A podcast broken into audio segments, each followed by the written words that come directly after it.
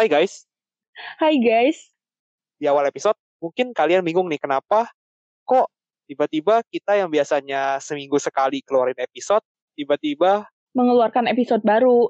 Nah, itu dia. Jadi uh, sebenarnya kita itu sadar minggu ini ada banyak banget hari libur tanggal merah kayak mungkin pas episode ini dikeluarkan kalau nggak harinya pas atau kemarinnya itu lagi 17 Agustus. Jadi selamat hari kemerdekaan Indonesia uh, merdeka, merdeka, merdeka. Iya, begitu. Dan juga Rania hari hmm. Kamis ada hari libur apa tuh? Kalau nggak salah hari tahun baru Islam ya. Iya, benar-benar. Oh. Jadi untuk menemani kalian di waktu yang sengang ini kita memberikan banyak sekali episode bonus. Satu minggu ini kita akan upload sekitar dua podcast baru lagi. Iya, dan ada beberapa konten menarik juga di podcast tersebut.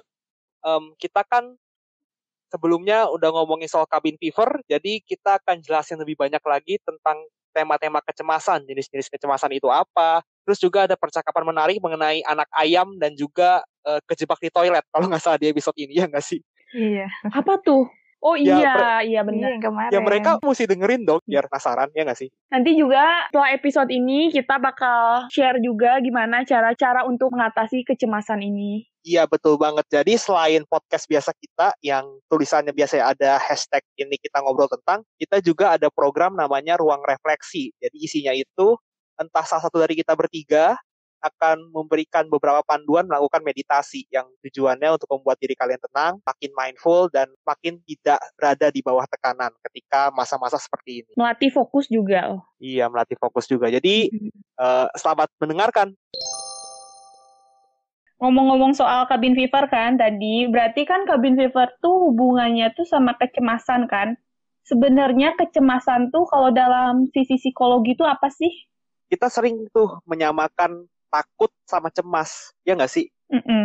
kayak sama-sama ada respon emosional sih dan respon yang negatif tapi bedanya itu kalau kita takut sama sesuatu itu kita itu ah, ngelihat ada suatu ancaman yang nyata gitu kayak misalnya lu ada anjing yang mulutnya berbusa ada anjing liar gitu lu ngeliat itu anjing lari ke arah lu berarti itu ada ancaman yang nyata kan nah itu namanya takut karena ancamannya jelas Terus habis itu lu itu memutuskan tuh apakah lu akan kabur dari ini anjing, flight atau mm-hmm. lu itu akan ngelawan ini anjing, fight. Jadi kalau takut itu tuh ancamannya nyata, tapi kalau cemas itu iya tegangnya sama, gelisahnya sama, khawatirnya sama, bimbangnya sama. Tapi alasannya itu subjektif.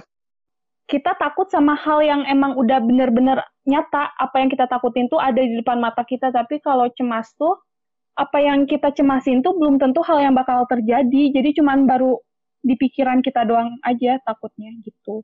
Ya nggak sih tapi walaupun begitu ya walaupun kita itu sering ngomong aduh gue cemas dan kadang-kadang itu nyebelin sebenarnya cemas itu reaksi emosi yang normal sih dan malah bisa berguna misalnya tadi kalau kita cemas ketika kita mau presentasi, ya akibatnya kita belajar topik presentasi kita, kita latihan di depan cermin, akhirnya bagus dong. Tapi mm-hmm. kalau misalnya udah berlebihan, ini nih baru yang namanya kecemasan.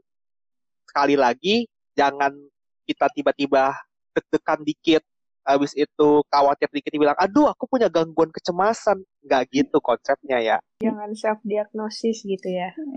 Mm-mm. Jadi kalau kecemasan itu udah jadi gangguan tuh, ya satu itu udah mengganggu kita untuk hidup sehari-hari. Kayak gara-gara kita takut ketemu orang, jadi akhirnya kita diam di rumah, nggak mau meeting, nggak mau sekolah, gitu. Itu baru gangguan. Atau kita itu gangguannya berlebihan, nggak sesuai sama umur kita, atau nggak sesuai dengan situasinya dan yang terpenting itu ini itu harus berlangsung cukup lama, 4 sampai 6 bulan lebih lah. Dan tentu saja ini harus dikonsultasikan ke tenaga kesehatan mental profesional kayak psikiater atau psikolog. Jadi mm -mm. benar kata Rania tadi jangan self diagnose. Nggak boleh, bahaya itu jatuhnya nanti. Nah, kira-kira Ran kalau orang cemas tuh kayak gimana sih?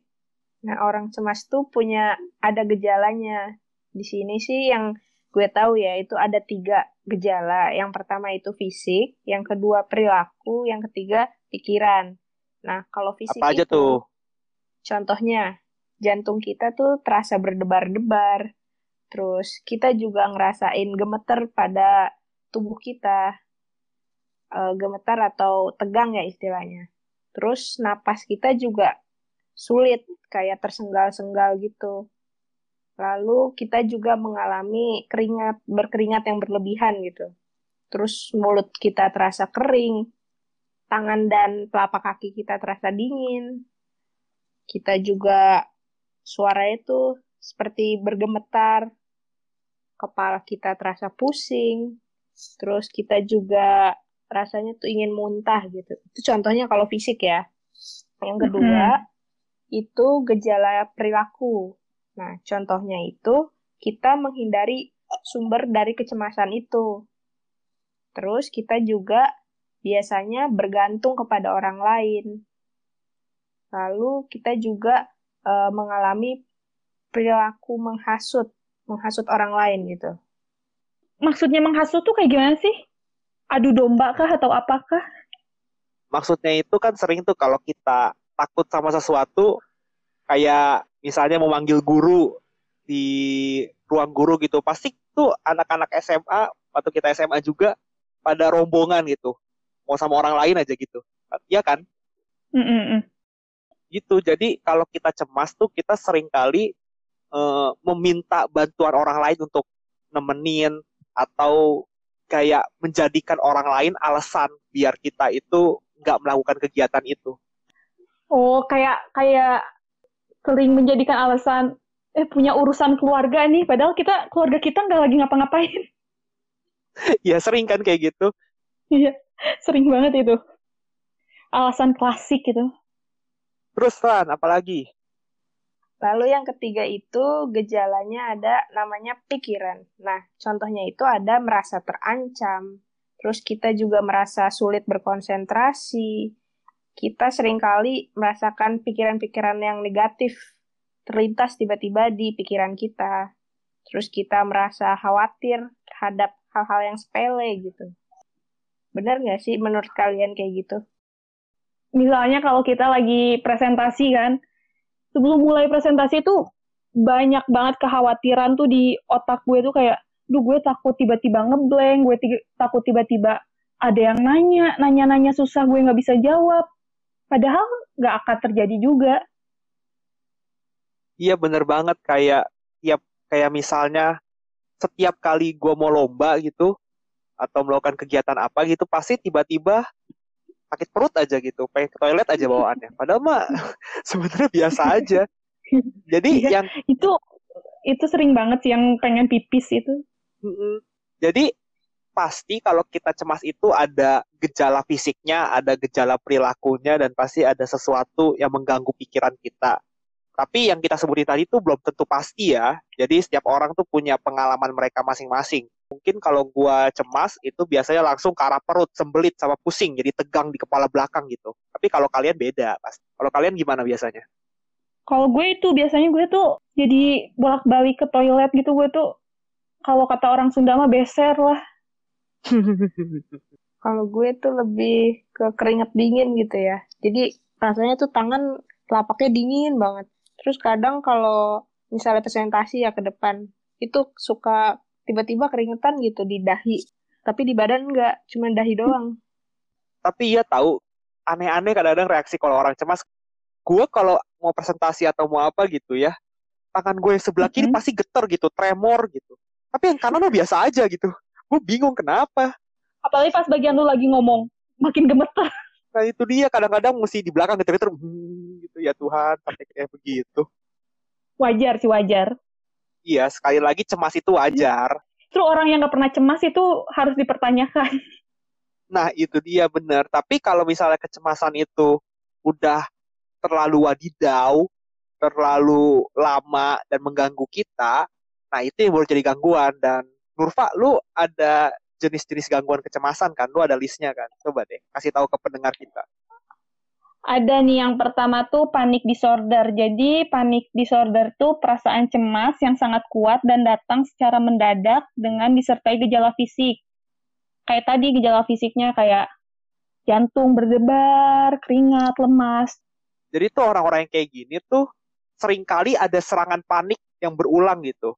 Jadi kalau mereka lagi di situasi-situasi yang merasa tertekan, tiba-tiba jantung berdebar-debar, bisa tiba-tiba pingsan sendiri, kesemutan mati rasa, kadang takut kehilangan kontrol gitu. Ini tuh kayak yang tadi kita sebutin gejala-gejala fisiknya, tapi berlangsung berulang dan sekalinya kena tuh intens banget.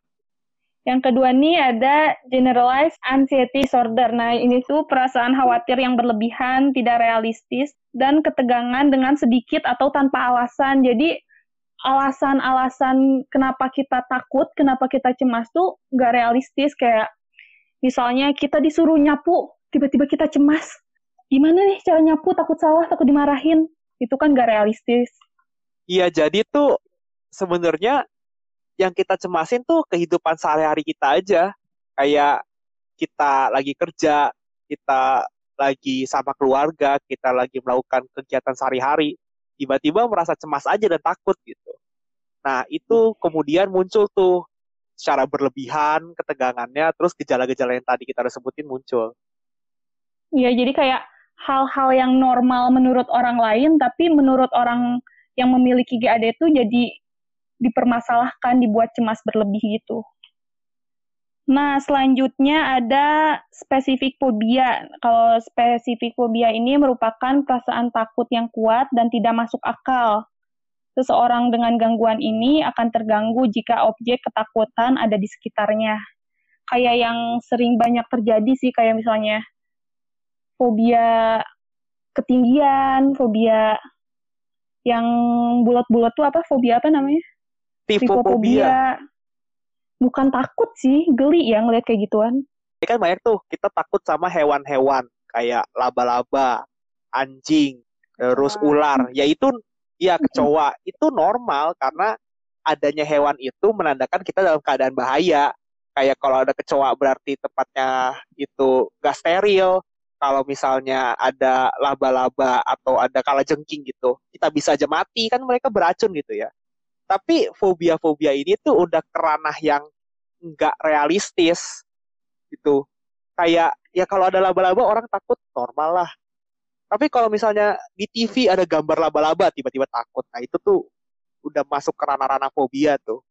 Apalagi sampai tremor yang tadi gejala fisiknya itu keluar semua itu berarti harus segera dikonsultasikan ya guys. Iya. Yang kasihan tuh kalau misalnya objek-objek yang jadi pusat fobia itu yang sebenarnya biasa aja. Kayak gue inget banget adek gue waktu kecil itu waktu belajar naik sepeda gak sengaja kepatok ayam gitu. Waktu kecil hmm. banget kayak usianya kayak masih 4, 4 tahun gitu. Jadi sampai sekarang kalau misalnya dia ada ayam ada bebek atau apa gitu dia selalu menghindar gitu kayak tiba-tiba parno sendiri. Sama banget tuh kayak nyokap gue. Nyokap gue juga fobia sama anak ayam. Jadi kalau ngelihat anak ayam tuh ngerasanya jijik geli gitu. Tapi kalau ayam yang dewasa malah nyokap gue tuh nggak takut. Anehnya di situ. Mungkin ya karena dulu nyokap gue tuh kecil suka ditakut-takutin sama temennya. Jadi dia megang anak ayam yang udah mati terus kan kepalanya dia udah nggak tegak gitu ya kayak loyo-loyo gitu. Mm-hmm. diunjukin ke muka nyokap gue. Wah sampai sekarang jadi nyokap gue ketakutan parah kalau ngeliat anak ayam. Iya walaupun itu sebenarnya lucu tapi di satu sisi kita tuh mesti ingat kalau orang-orang yang punya fobia itu biasanya tuh terjadi karena trauma masa lalu yang begitu mendalam walaupun sebenarnya kelihatannya biasa aja atau lucu. Kayaknya fobia ini bakal banyak banget kalau kita ulik. Jadi kayaknya kita bahas di Instagram kita mungkin kita bisa bikin kayak lucu-lucuan gitu kayak ini fobia apa gitu. Kayak seru deh. Karena banyak banget jenis fobia di dunia ini. Oke lanjut yang keempat nih ada fobia sosial nih fobia sosial itu di mana seseorang merasa sangat khawatir akan dinilai negatif oleh orang lain. Nah perilaku seseorang menjadi terpaku pada orang lain dan merasa malu akan ditertawakan. Jadi ini tuh kayak orang yang bener-bener mikirin perkataan orang gitu loh. Iya, jadi kalau di DSM-5 sih sekarang namanya social anxiety disorder ya. Jadi tuh ini biasanya mm -hmm. tuh orang-orang yang takut bicara di depan umum. Habis itu juga kalau ketemu orang baru sering menghindar, dia nggak suka di situasi publik, kayak gitu-gitu. Kalian pernah nggak sih kalau di tempat umum gitu tiba-tiba takut sendiri? Kalau misalnya ya kayak ke mall gitu gue sendirian, gue nggak bisa kayak bingung ngapain gitu. Kalau lo gimana, Teh? Saya lagi yang gue alami sama yang Rania alami bukan gangguan kecemasan sih, tapi kita pernah ada di situasi inilah kurang lebih. Jadi tuh gue pernah ada di fase di mana kalau gue mau ketemu orang baru, gue tuh harus ke, ke toilet dulu gitu. Sumpah ini, Sa sampai ini gemeter nggak sampai gemeter? Gue nggak tahu kenapa. Kayak kalau mungkin gara-gara gue cemas mungkin ya. Gue juga nggak tahu ini udah kejadian udah cukup lama gitu. Jadi ya gue ke toilet aja. Paling cuma kan biar bisa ada waktu buat tenangin diri dulu. Ingat-ingat gue mesti ngapain. Baru setelah itu ya normal aja gitu. Jadi ya itu bukan gangguan sih, tapi lucu aja kenapa aku mau ketemu orang baru di kafe. Tiba-tiba, bentar ya ke toilet dulu ya. Lu ketemu gebetan makali, makanya malu. Tapi kalau sekarang gimana, Teh? Udah mendingan apa masih sama kayak dulu gitu? Eh, jangan ditimpalin dong, gue baru ke psikolog soal ini ntar ya. ya, Oh ya, konten sensitif. Nanti gue ceritain di ending ya. Tapi tuh beberapa orang yang punya gangguan kecemasan sosial itu juga mengalami yang namanya agorafobia. Jadi tuh mereka tahu nih, mereka bakal panik kalau misalnya di situasi publik gitu ketika mereka lagi di ruang publik, mereka lagi ada di kerumunan atau mereka lagi transportasi umum gitu. Nah, karena mereka takut, mereka panik, akibatnya mereka makin panik. Ngerti gak sih? Gimana tuh? Akibat mereka Kurang takut, paham. jadi mereka tuh makin takut buat keluar. Maksudnya gini, mereka tuh mereka tahu mereka itu akan panik dan gara-gara mereka cemas, aduh gue bakal panik nih, gue bakal panik nih kalau gue nggak bisa keluar nih, akibatnya jadi panik beneran. Kekhawatiran gitu loh, tapi malah jadi beneran terjadi kan? Mereka overthinking, mereka cemas berlebihan, akibatnya jadi panik beneran, akhirnya gangguan panik beneran gitu. Berarti tadi yang fobia sosial bukan gangguan panik kan gangguan panik juga. Jadi tuh gini, kalau orang-orang yang punya gangguan sosial itu bisa punya agorafobia, bisa enggak. Jadi ada yang mereka kayak menghindari situasi publik aja gitu. Mereka nggak mau bicara di depan umum. Mereka takut tapi mereka diem-diem aja gitu. Takutnya tuh secara internal. Mereka kelihatan keringet dingin, panik iya. Tapi ada yang sampai akhirnya mereka itu punya episode gangguan panik. Gitu. Yang bener-bener sampai mereka parah banget kayak orang gangguan panik itu namanya agorafobia. Yang terakhir itu ada separation anxiety disorder. Nah, ini tuh maksudnya kita mengalami ketakutan atau kecemasan yang eksklusif, merasa terpisah dengan orang yang dekat dengan kita. Ini tuh biasanya terjadi pada anak-anak kecil gitu. Jadi kayak kan kita sering lihat tuh uh, anak-anak kalau ditinggal sama ibunya tiba-tiba nangis, ya kan? Apalagi anak-anak yang baru mau masuk sekolah tuh sering banget kayak gitu. Iya, kayak nggak mau, mama masuk aja gitu. Itu akarnya, iya, iya. akarnya dari situ. Jadi karena kebanyakan ya, kalau di sini katanya karena mereka itu punya masalah kelekatan dengan orang tua, akhirnya kebawa tuh sampai mereka dewasa kadang-kadang. Jadi mereka itu karena takut kehilangan orang terdekat, mereka tuh kayak kalau mau keluar pergi itu perlu ada orang ini. Kalau enggak ya mereka nggak mau atau kayak ya enggan aja gitu, suka nggak suka. Dan mereka itu juga punya mimpi buruk dan punya ketakutan berlebihan akan kehilangan orang ini. Orang itu bisa aja orang tua, mungkin pasangan, mungkin teman gitu. Jadi banyaklah jenis-jenis gangguan kecemasan dan kalau dibahas satu-satu bakal lama Panjang. banget. Jadi iya bakal panjang banget. Jadi seperti biasa link di deskripsi ada banyak banget sumber-sumber bacaan. Baca ya. Awal mula dari akar kecemasan tuh apaan sih? Itu pertanyaan yang susah ya. Jadi untuk teman-teman yang bukan anak psikologi dan sepertinya banyak pendengar kita yang bukan, sebenarnya di psikologi itu ada banyak sekali pendekatan kenapa manusia itu punya masalah gangguan mental. Nah, tapi hari ini kita tuh mau menjelaskan pendapat dari salah satu tokoh. Uh, kalian berdua kan anak psikologi tahu nggak Albert Ellis itu siapa? Tahu. Uh, ini pengusung RIBT kan? Ye. Yeah. RIBT itu kalau orang bukan psikologi ya, pasti kurang paham ya. Gue jelasin dulu.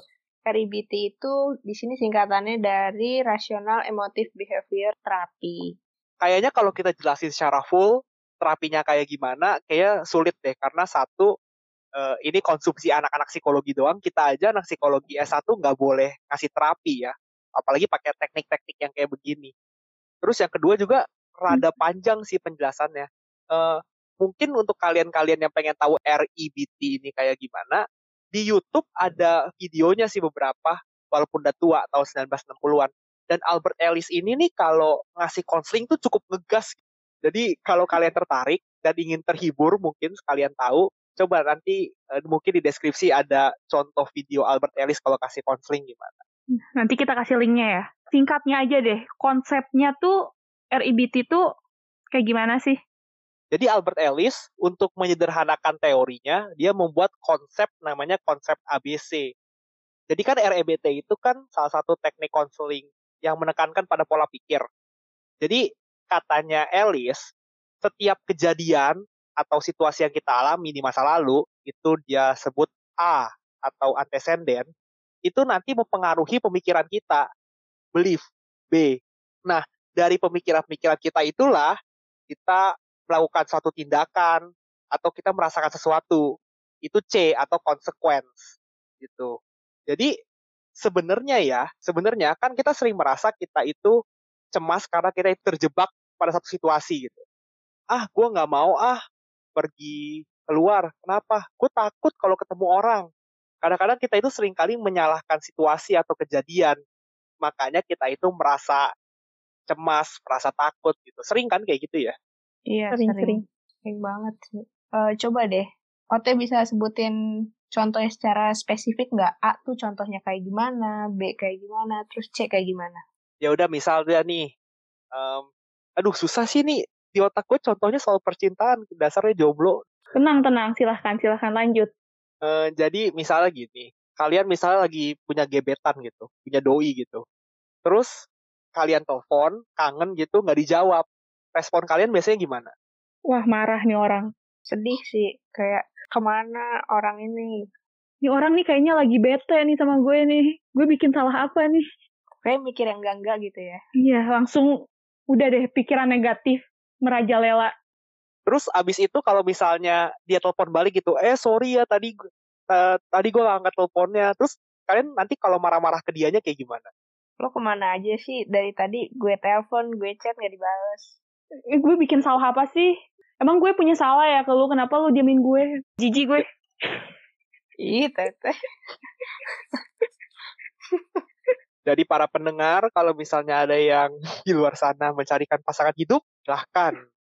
Kalian sadar gak sih? Gue gak tahu ya ini ini curahan hati yang terdalam atau enggak. Gue gak tahu. Ada yang unik gitu dari respon kalian. Kayak responnya Rania dulu. Tadi lu langsung marahin ini gebetan lu kan. Kamu ke mana aja?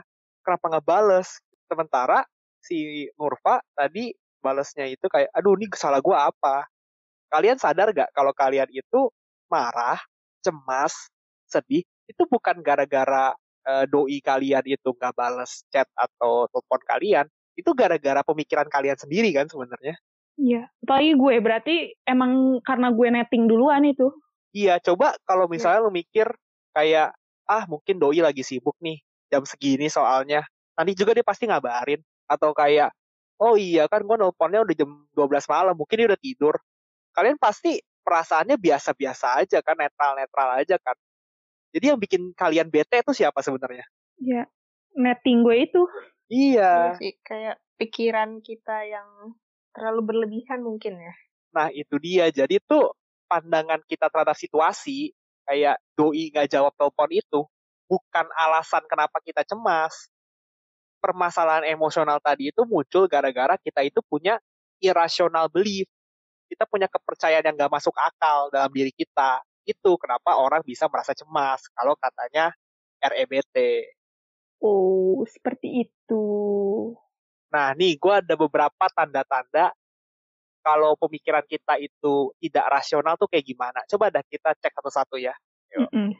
Yang pertama itu demand. Jadi kita itu sering pakai kata-kata yang sifatnya absolut gitu. Kudu, harus, wajib kayak ah kan dia pacar gue atau eh kan dia gebetan gue, harusnya dia peduli sama gue dong. Mestinya dia jawab telepon gue dong. Harusnya dia ngabarin gue terus dong. Nah, sering kan gitu, apalagi kalau di hubungan percintaan gitu. Sering banget. Iya, secara nggak sadar sih ya, pasti ada aja kata-kata itu tiba-tiba terlintas gitu. Terus yang kedua itu kita itu sering melebih-lebihkan sesuatu, jadi seakan-akan tuh kayak bencana yang besar aja gitu. Kayak dihiperbolain banget, kayak aduh mati gua, dia nggak jawab telepon gua. Pokoknya kata-kata yang Ini drama banget hidupnya. Sering kan kalau kita lihat di sinetron apalagi tuh. Iya. Terus yang berikutnya itu kita itu tidak toleran terhadap rasa frustasi kita. Aku tuh nggak bisa gak ditelepon sama dia. Aku tuh nggak tahan kalau sendirian. Biasanya gitu tuh, ya nggak sih? Iya banget. Gue tuh nggak bisa kalau nggak dikabarin. Ini lama kelamaan Gue jadi, jadi- sesi. Sesi curhat, Gue tuh jadi merasa ditinggalkan. diabaikan gitu Gue ya. merasa dia tuh udah beda, nggak tertarik lagi sama gue. Nah itu lebay tuh. sih, Tadi kan gitu. tuh denger gak tadi si Nurpa sempat ngomong. Gua rasa dia udah nggak tertarik lagi sama gua. Nah itu tuh ciri-ciri yang terakhir tuh. Kita itu down. Kita itu merendahkan diri kita. Atau bisa juga orang lain sih. Tapi kalau Nurfa tadi contohnya itu dia ngerendahin diri dia sendiri gitu. Ah dia mah jalan sama cewek lain, aku mah apa? Atau kayak ah gue mau orangnya negatif thinking. Kita tuh terlalu kritis sama diri kita sendiri gitu. Sering banget kayak kita mikir kalau lagi, misalnya lagi dekat nih sama orang, terus tiba-tiba orangnya nggak ngabarin kayak, oh berarti gue tuh ngebosenin orangnya. Sering banget sih kayak gitu. Gak tau gue doang, iya gue doang kayaknya, maaf. Ya ini jadi sesi curhat sih. nggak apa-apa seru tahu. Tapi sering kali juga nih ya, kita tuh nggak kritis sama diri kita doang, tapi kritis sama orang lain juga. Kayak kita itu menilai orang itu dari hal-hal yang kecil. Kayak misalnya, ah cowok gua mah nggak peduli sama gua. Lah kok cowok gua? Teh, lu punya cowok selama ini? Duh, serem ya. Jadi OT, Udah, Oh, misalnya kayak gini nih, kayak misalnya, ah emang dasarnya aja cowoknya buaya, mata keranjang, Nah, matanya jerawat. itu kita dia. nyalahin ke cowoknya. Padahal mungkin pikiran kita yang membuat-buat gitu. Seolah-olah cowok itu salah. Padahal mungkin bukan cowoknya. Paham gak sih? iya iya, kayak misalnya gue jalan sama cewek gitu, terus ceweknya ngelirik gitu, ih ganteng ya dia. Kok siapa? Gue gak ganteng. Sering kayak gitu kan. Eh santai dong. Iya Ceweknya kayak itu alami ya, lebih ke biologis. Ya itu wajar orang ngelirik. Ya kan cuma ngelirik doang, nggak ada maksud lain gitu loh. nah itu dia jadi Ya karena kan? Mm, karena karena hal-hal kecil gitu kita jadi marah kok kayak contoh tadi ah cowok gua mah nggak ada buat gua waktunya dipakai buat sibuk doang ini gua telepon nggak dijawab padahal lu telepon jam 12 malam misalnya udah tidur cowoknya Cowoknya lagi main game. iya cowok lagi main game kamu kamu mah waktunya untuk main game doang bukan buat aku Hmm. Jadi untuk pasangan-pasangan di luar sana atau jomblo-jomblo seperti kita di sini itu itu tanda-tandanya kalau kalian mulai berpikir irasional Tuh. Jadi kalau kita simpulin kita lagi cemas tuh kayak gimana sih kita harusnya?